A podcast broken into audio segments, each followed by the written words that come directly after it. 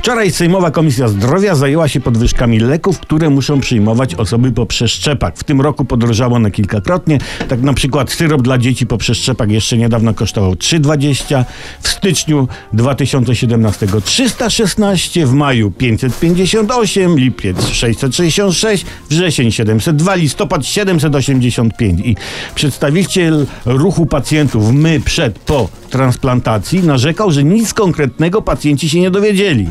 No, współczujemy pacjentom po przeszczepach, ale to bzdura! Bzdura, że się nic nie dowiedzieli.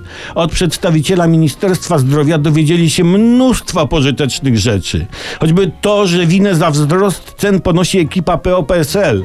To jest bardzo cenna informacja. Może nie uratuje przeszczepu, ale jest słuszna i dobrze taką rzecz wiedzieć. Albo taka informacja, cytuję. Zaistniała sytuacja to naturalny mechanizm refundacyjny. No, to jest informacja fundamentalna dla przeszczepowców, tylko muszą to docenić, a nie narzekać, że cytuję, padły tylko enigmatyczne zapowiedzi wprowadzenia 20 dużych zmian w ochronie zdrowia. No niech pacjenci nie narzekają.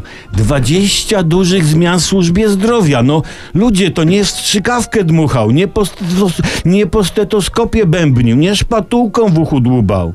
Ceny leków dla przeszczepowców może się nie zmienią, ale służba zdrowia się zmieni na 20 różnych sposobów. Ludzie, ludzie to napawa optymizmem i daje nadzieję na ciepłe końcówki stetoskopów. No, zdrowia życzę, ale nie służby.